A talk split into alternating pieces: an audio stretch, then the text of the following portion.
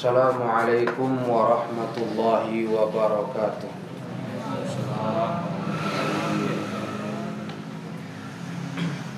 الحمد لله الحمد لله الذي أرسل رسوله بالهدى ودين الحق ليظهره على الدين كله وكفى بالله شهيدا أشهد أن لا إله إلا الله وحده لا شريك له وأشهد أن محمدا عبده ورسوله يا أيها الذين آمنوا اتقوا الله حق تقاته ولا تموتن إلا وأنتم مسلمون يا أيها الناس اتقوا ربكم الذي خلقكم من نفس واحدة وخلق منها زوجها وبث منهما رجالا كثيرا ونساء واتقوا الله الذي تساءلون به والأرحام إن الله كان عليكم رقيبا وقال رسول الله صلى الله عليه وسلم فإن أصدق الحديث كتاب الله وخير الهدى هدى محمد صلى الله عليه وسلم وشر الأمور محدثاتها فإن كل محدثة بدعة وكل بدعة ضلالة wa kulla dolalatin finnar. Amma ba'd. Kaum muslimin para jemaah yang dirahmati Allah. Alhamdulillah malam hari ini seperti biasa kita berkumpul di rumah Allah untuk menambah wawasan ilmu Islam. Tapi yang biasanya kita membaca rutin kitab Aqidatus Salaf Ashabil Hadis untuk malam hari ini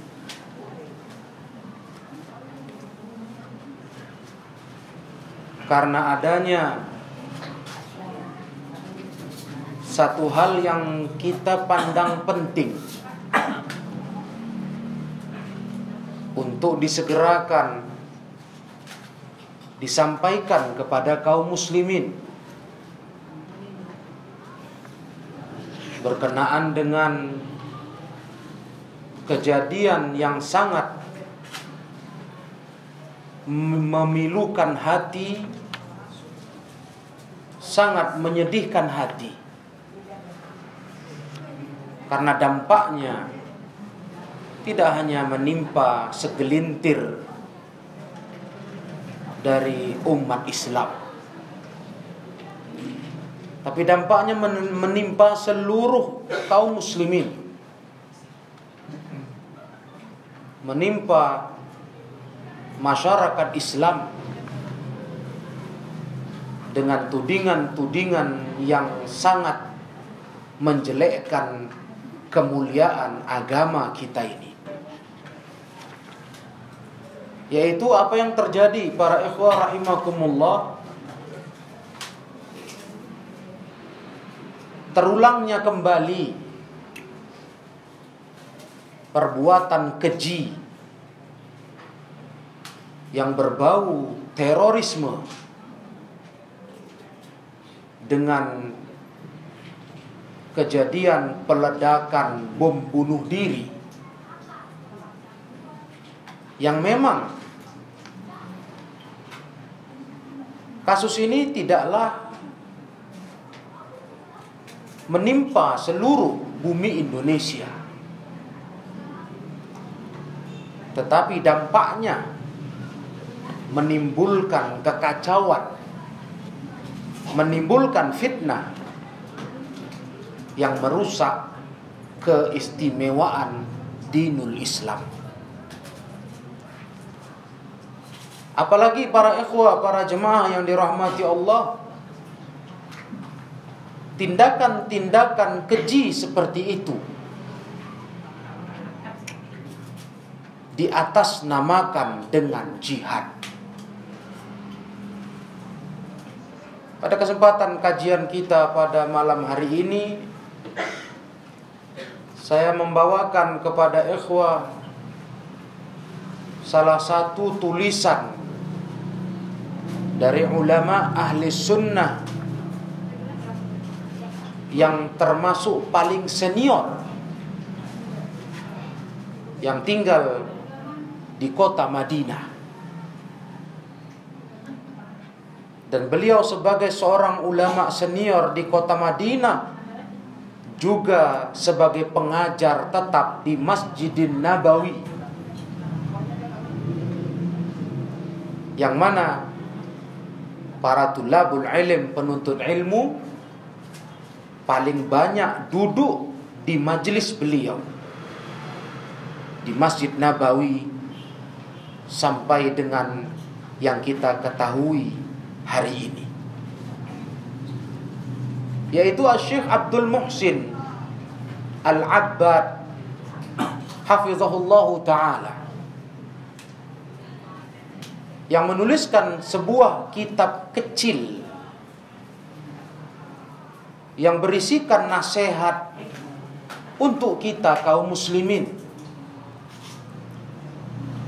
Beliau tulis ketika di awal-awal dunia diguncang dengan aksi-aksi terorisme. Beliau tulis ini di tahun 2003 Masehi atau 1424 Hijriah dengan beliau beri judul bi ayyi aqlin wa dinin yakunu tafjiru wa tadmiru jihadan. Dipandang dari sisi akal mana dan dengan agama mana perbuatan tafjir pembunuhan pembantaian dan pengrusakan sebuah jihad dalam agama. Dipandang dari sisi akal mana kata beliau. Cobalah para jemaah yang mulia. Memang kalau kita lihat apa yang akan kita baca nanti sungguh perbuatan yang tidak berakal. Tidak berakal dan tidak beragama.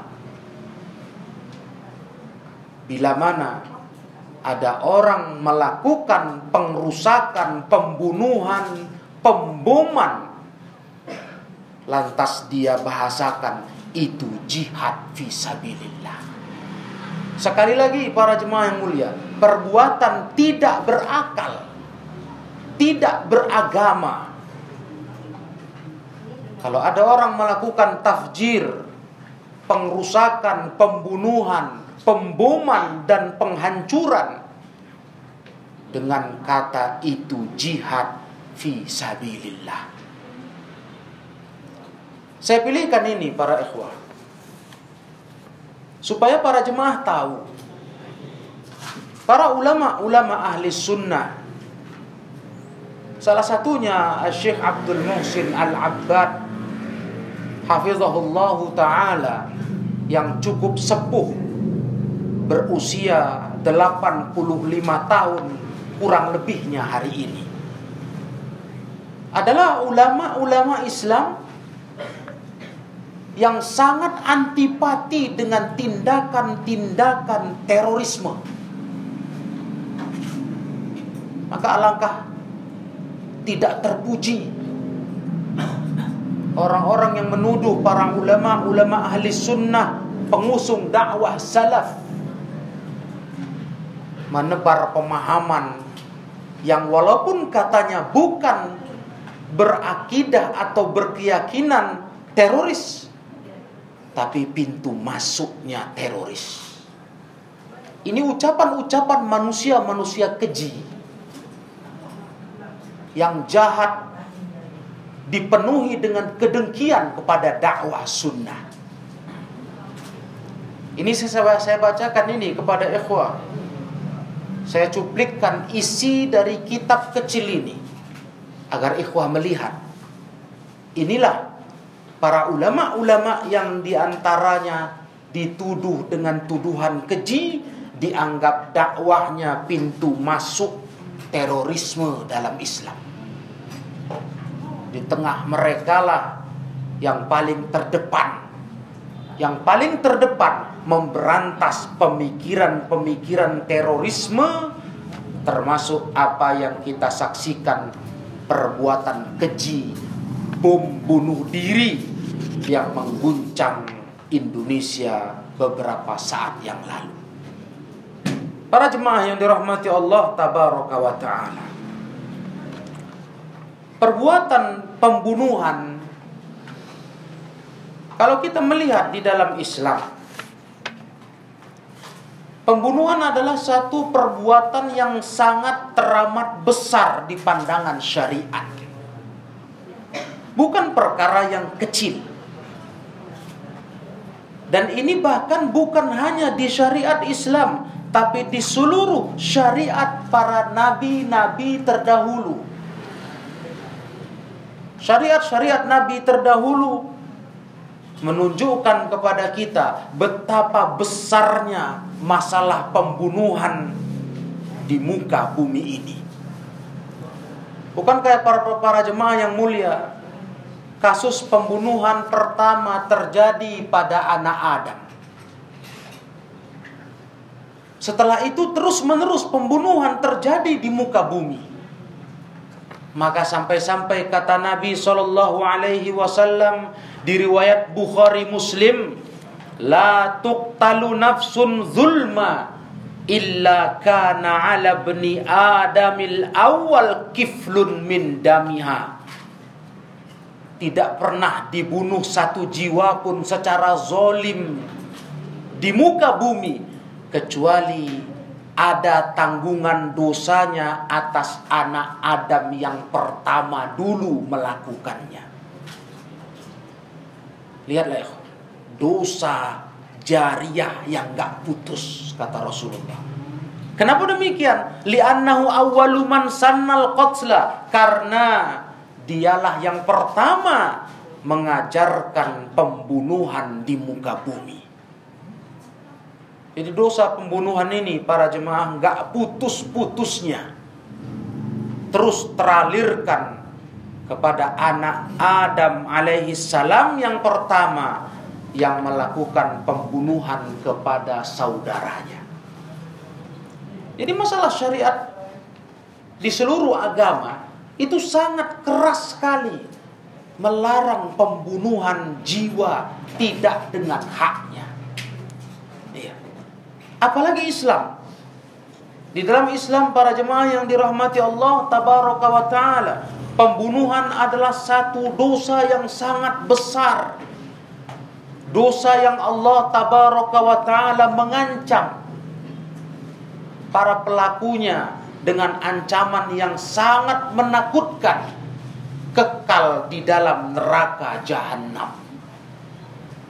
Walaupun makna kekal tidak bermakna dia di dalam neraka selamanya. Karena dia muslim.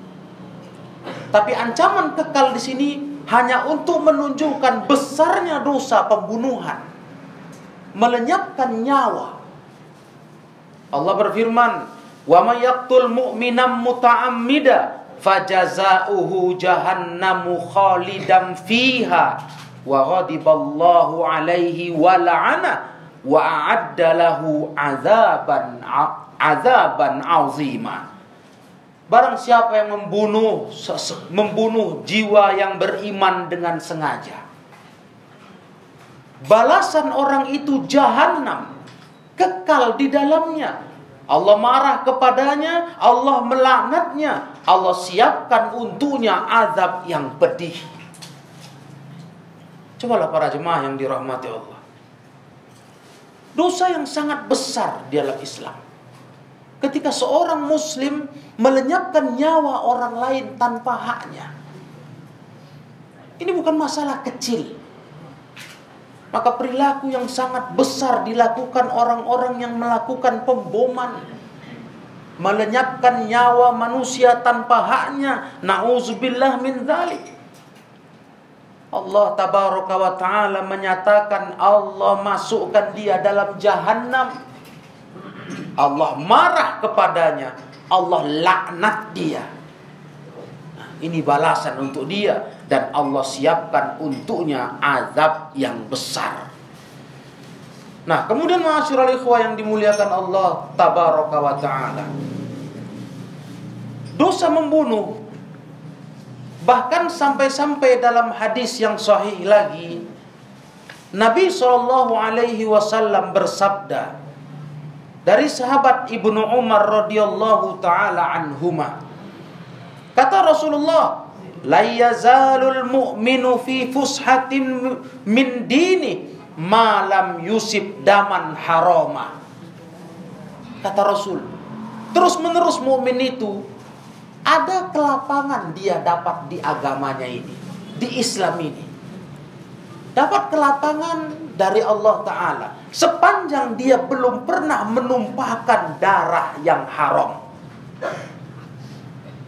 Kalau hidup kita ma'asyurul ikhwah yang mulia Selama belum pernah kita tumpahkan darah yang haram Yang tidak halal ditumpahkan.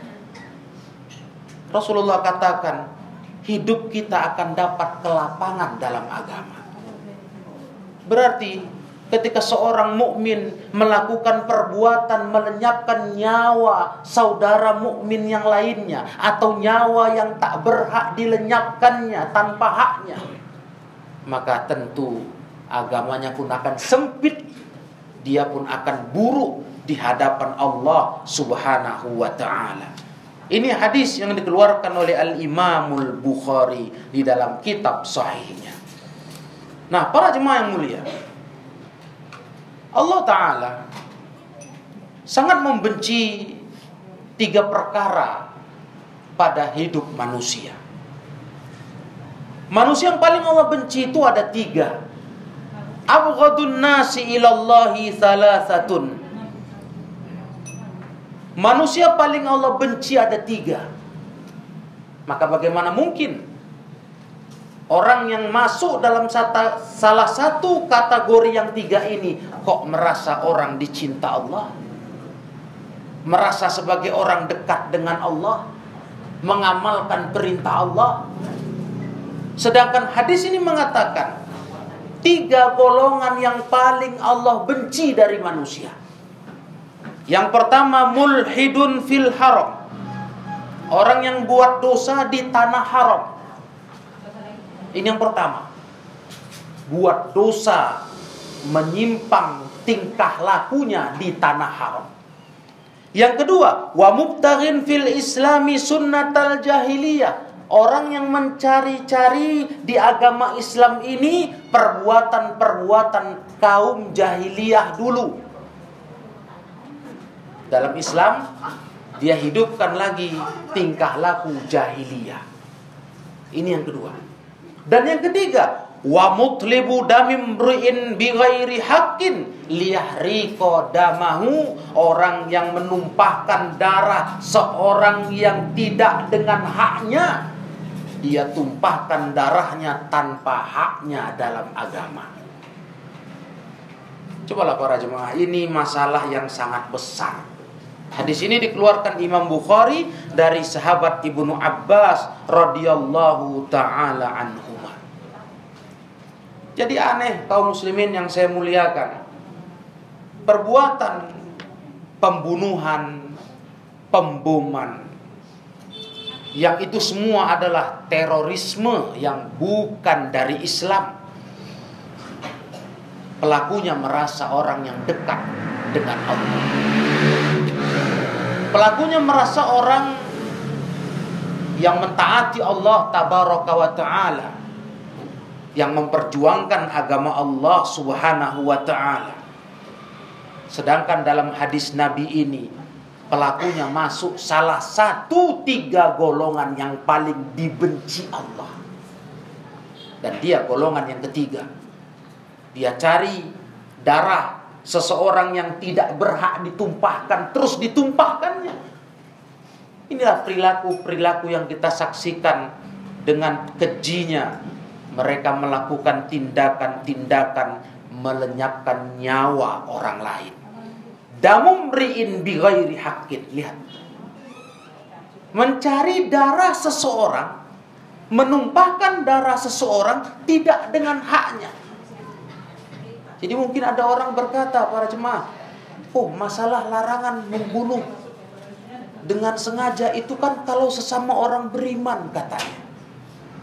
Tapi kalau kepada orang kafir di luar agama kita, nggak ada masalah. Tidak para jemaah. Siapa yang bilang tidak masalah? Karena dalam Islam itu orang yang tidak seagama dengan kita punya pembagian-pembagian. Ada yang boleh ditumpahkan darahnya dan itu hanya orang-orang yang tidak seagama dengan kita yang terlibat konflik perang dengan kita umat Islam.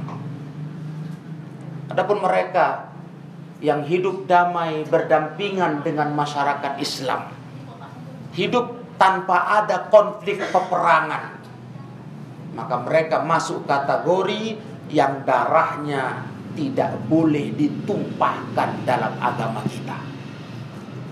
Hari ini ma'asyiral ikhwah yang mulia, ideologi para pelaku-pelaku pemboman bunuh diri itu punya punya kesimpulan. Kalau darah itu darah orang yang tidak seagama, maka halal ditumpahkan. Nauzubillah min dzalik. Para jemaah kaum muslimin yang dimuliakan Allah Subhanahu wa taala. Jadi perilaku-perilaku ini sungguh sangat mengerikan. Tumpahnya darah tidak dengan haknya adalah merupakan perkara yang sangat dibenci oleh Allah Subhanahu wa taala. Apalagi kita saksikan korban-korban yang jatuh dari catatan-catatan kejadian sepanjang beberapa tahun ini dengan aksi-aksi seperti itu itu bahkan nauzubillah menumpahkan darah sesama muslim yang dipandangan para pelaku-pelaku pemboman itu sudah dikafirkannya astagfirullah jadi ini sebuah kejelekan yang sungguh tidak masuk akal sehat manusia. Jangankan dihukum dengan kebenaran agama untuk dianggap benar. Bahkan dengan akal sehat pun kata Syekh dalam judul kitab ini. Ini adalah perbuatan tidak berakal. Ini perbuatan tidak berakal. Plus tidak beragama. Jadi walaupun para ikhwah sudah ada seruan untuk jangan mengkaitkan dengan agama tindakan-tindakan terorisme. Tapi image yang timbul tidak bisa kita pungkiri. Selalu Islam tertuduh. Islam yang dianggap menanamkan, mengajarkan ini kepada umatnya. Ini yang harus kita luruskan. Maka Islam ternyata tidak pernah memberikan izin perbuatan-perbuatan seperti itu. Islam mengharamkan, Islam melarang dengan sekeras-kerasnya. Sampai-sampai para jemaah yang dirahmati Allah, Nabi Shallallahu Alaihi Wasallam bersabda, kata Rasulullah, La zawalud dunya ahwanu ala Allahi min qatli rajulin muslim. Dunia ini lenyap, hilang itu masih lebih ringan dibanding di hadapan Allah lebih ringan dibanding dibunuhnya nyawa seorang muslim. Coba lihat nilai nyawa manusia khususnya muslim di hadapan Allah. Lebih ringan lagi dunia seisinya ini hancur daripada dibunuhnya jiwa seorang muslim. Bagaimana dengan sekian banyak yang terbunuh? Ini satu jiwa. Bagi Allah dunia ini seisinya hancur masih lebih ringan masalahnya daripada terbunuhnya jiwa seorang muslim. Begitu pula para ikhwah di riwayat berikutnya Rasulullah wasallam bersabda, "Qatlul mu'mini a'zamu indallah min zawalid dunya." Membunuh seorang mukmin itu lebih agung dibes, lebih besar di sisi Allah daripada hilangnya dunia. Lenyapnya satu nyawa seorang yang beriman dengan disengaja itu lebih besar di sisi Allah dibandingkan lenyapnya dunia seisinya. Dan sampai-sampai Rasulullah pun juga bersabda, "Lau anna ahlas sama'i wa ahlal ardi ishtaraku fi dami mu'minin la akabbahumullahu finnar." Andai kata seluruh penduduk langit dan bumi berserikat bersekutu kerjasama menghilangkan darah seorang mukmin niscaya Allah akan memasukkan mereka semua ke dalam neraka. Nggak peduli, walaupun seluruh penduduk langit bumi berserikat, bersekutu, membunuh darah seorang mukmin, menumpahkannya, Allah akan jerumuskan mereka semua ke dalam api neraka. Ini hadis-hadis para ikhwah dibawakan al Imam Al Munziri dalam kitab At-Targhib wa Tarhib dengan derajat hadis disahihkan oleh Syekh Al Albani hafizahullahu taala. Nah, para ikhwah, para jemaah yang saya muliakan.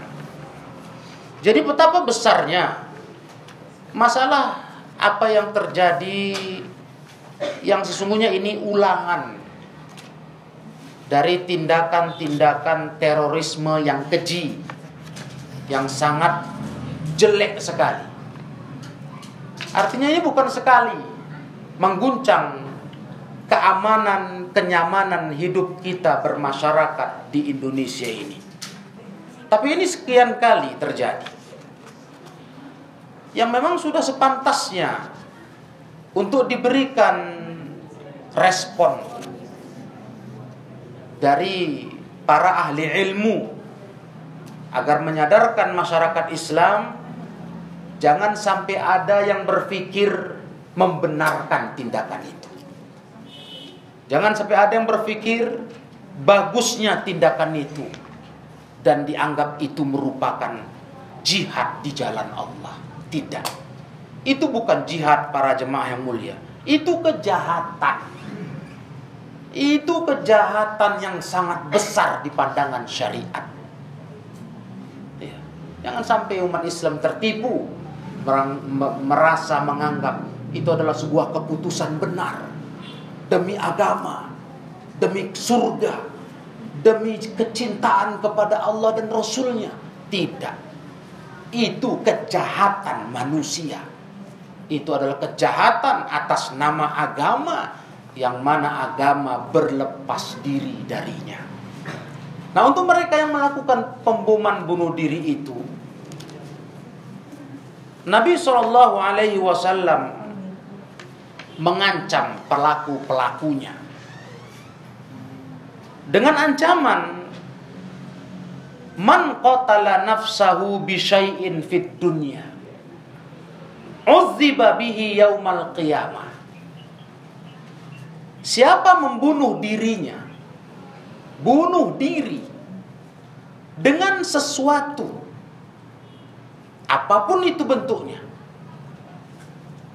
Dia bunuh dirinya dengan sesuatu, maka dia akan diazab dengan sesuatu itu di hari kiamat.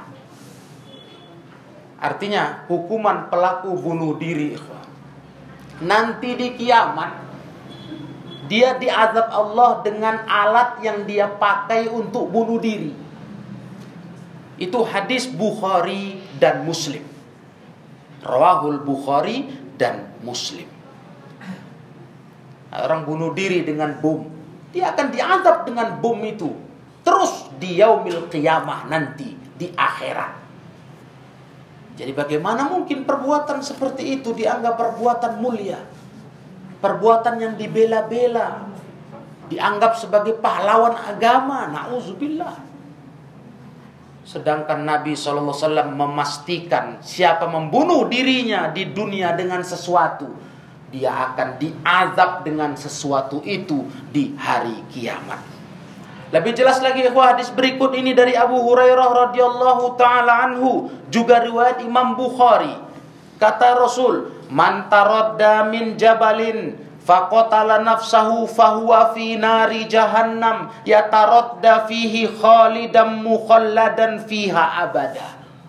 Siapa yang membunuh dirinya dengan cara loncat dari gunung bunuh diri dengan cara terjun dari gunung. Maka dia dalam neraka jahanam. Nanti di jahanam itu dia terjun dari gunung berulang-ulang kali kekal selamanya tidak keluar lagi. Masya Allah. Ini ada rincian. Bentuk perilaku membunuh diri itu dengan itulah dia disiksa di akhirat. Wa man tahassa summan faqut faqatala nafsahu fasummuhu fi yadihi yatahassahu fi nari jahannam khalidan mukhalladan fiha abada. Dan siapa yang minum racun bunuh diri dengan minum racun dia bunuh dirinya dengan itu, maka nanti racun itu akan berada di tangannya. Terus dia minum de, di neraka jahanam, kekal selamanya tidak keluar lagi. Waman qatala nafsahu bihadidatin fahadidatuhu fi yadi yuja'u biha fi batni fi nari jahannam khalidan mukhalladan fiha abada. Dan barang siapa yang membunuh dirinya dengan dengan senjata hadidatin misalnya dia menikam dirinya maka dengan senjata itulah di tangannya nanti dia tikam terus perutnya di neraka jahanam kekal tidak pernah keluar lagi selamanya. Hadis Bukhari. Jadi subhanallah para ikhwah. Mereka yang membuat bom bunuh diri tentunya dia akan disiksa dengan perbuatan dia itu dengan apa yang dia gunakan untuk bunuh dirinya itu di neraka, di jahanam. Dia tidak akan keluar lagi darinya. Kaum muslimin yang dimuliakan Allah tabaraka wa taala. Sampai hadis berikutnya dari hadis Bukhari juga Nabi sallallahu alaihi wasallam bersabda, "Alladzi yakhnaqu nafsahu yakhnaquha finnar, walladzi yat'anuha yat'anuha finnar." Dan orang yang mencekik dirinya, bunuh gantung diri, mencekik dirinya untuk bunuh diri, nanti dia akan begitu pula di api neraka, digantung, dicekek lehernya, dan orang yang menikam dirinya untuk bunuh diri, nanti dia pun akan begitu di neraka terus menikam-nikam dirinya. Nauzubillah. Para jemaah, hadis-hadis ini sudah tidak kita ragukan lagi kesahihannya. Karena hadis-hadis ini hadis yang dikeluarkan Imam Bukhari dan Imam Muslim dalam kitab sahih keduanya. Yang menunjukkan perbuatan bom bunuh diri itu bukan jihad. Apalagi. Ya, apalagi. Sedangkan itu perbuatan yang sangat dicela dalam agama. Perbuatan yang sangat hina perbuatan yang sangat rendah. Sekalipun menurut pelakunya atau orang-orang yang memberi pengaruh kepada para pelakunya itu perbuatan mulia. Perbuatan yang dijanjikan surga karena engkau telah menegakkan sebuah perjuangan. Kau telah berusaha untuk merubah kemungkaran, memberantas kekafiran dan sebagainya. Tapi ketahuilah para ikhwah yang mulia Perbuatan itu perbuatan yang bukan agama kita yang mengajarkannya Sama sekali Maka pas betul Asyik memberikan judul kitab ini Bi'ayi aklin wa dinin Yakunu tafjiru wa tadmiru jihadan Memang dari sisi akal sehat mana? Dari sisi pandangan agama yang bagaimana? Perbuatan pembunuhan, pembantaian, pemboman, pengrusakan itu jihad. Dari mana? Dan beliau lanjutkan dalam judul kitab ini, Afiku, bangun kalian wahai para pemuda, bangun dan sadar kata beliau. Kalian tertipu kalian ditipu oleh iblis, oleh syaitan dengan melakukan perbuatan-perbuatan terorisme itu kalian ditipunya, dijerumuskannya dalam perbuatan yang dimurkai Allah Subhanahu wa taala. Para jemaah yang mulia, peringatan seperti ini sebenarnya adalah peringatan yang sudah terus-menerus disampaikan oleh para ulama kita. Karena kasus ini kasus yang terulang-terulang kembali. Yang menunjukkan pemahaman-pemahaman ekstrim seperti ini belum hilang di tengah-tengah kita. Belum habis, belum bisa diberantas seluruhnya. Namun kita tetap berusaha menyadarkan saudara-saudara kita umat Islam mengingatkan mereka hati-hati dari pemahaman-pemahaman yang mengakibatkan seseorang mampu membunuh dirinya sambil mencari sasaran manusia lainnya. Sanggup dia langgar larangan-larangan agama yang seperti tadi kerasnya.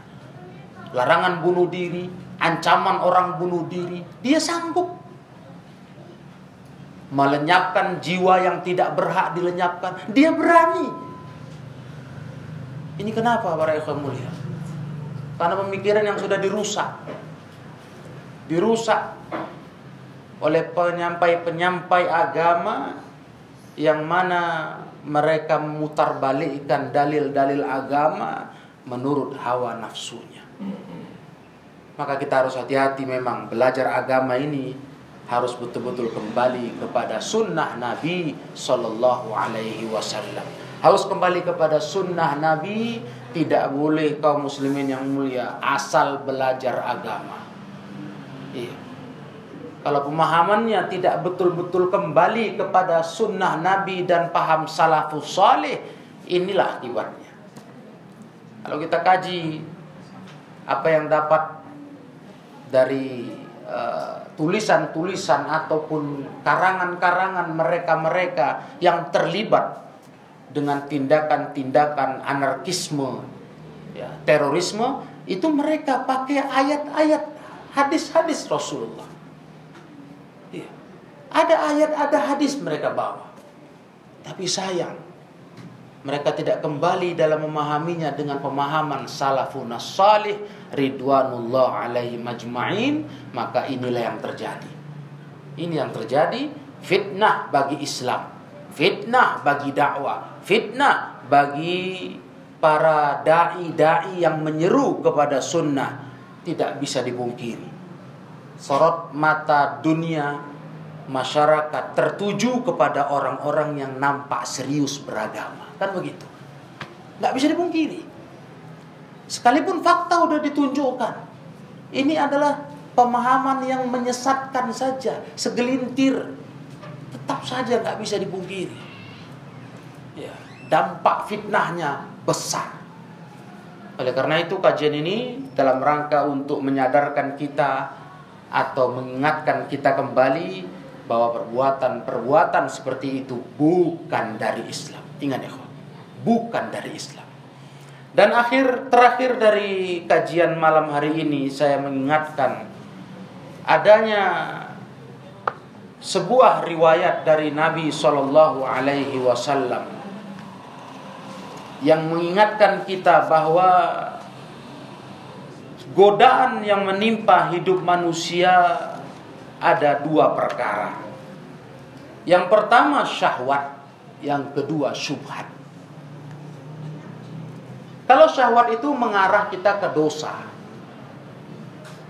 Urusan-urusan syahwat itu urusan dosa-dosa. Kalau syubhat itu mengarah kepada pemahaman-pemahaman yang menyesatkan. Ya. Kalau kita udah selamat dari syahwat para para jemaah, jangan mengira sudah aman. Awas, syubhat. Ini bisa lebih fatal jatuhnya kita. Maka banyak mereka-mereka yang dulunya terlibat syahwat kemudian diajak diajak diseru untuk meninggalkan syahwat tapi kemudian diarahkan kepada syubhat. Iya, diberi pemahaman yang keliru tentang Islam. Tentang dakwah, tentang amar ma'ruf nahi mungkar. Nah, inilah hasilnya. Sampai mereka merasa bangga membunuh dirinya dengan bom bunuh diri seperti itu. Ini orang yang terjebak syubhat. Maka hati-hati jangan sampai kita tobat dari syahwat masuk dalam lembah syubhat. Nauzubillah min. Nah, demikianlah kaum muslimin yang saya muliakan. Mudah-mudahan nasihat yang ringkas ini terkait dengan bom bunuh diri apakah itu jihad dan kita sudah tahu jawabannya bahkan itu bukan bagian dari ajaran agama mana pun bukan bagian daripada tuntunan sunnah Rasulullah Sallallahu Alaihi Wasallam dengan pemahaman para salafun salih. Itu adalah kejahatan dan dosa yang sangat besar yang sangat dimurkai Allah Subhanahu wa taala. Mudah-mudahan ini bermanfaat. Wallahu a'lam bissawab. Wa akhiru da'wana anil rabbil alamin. Wassalamualaikum warahmatullahi wabarakatuh.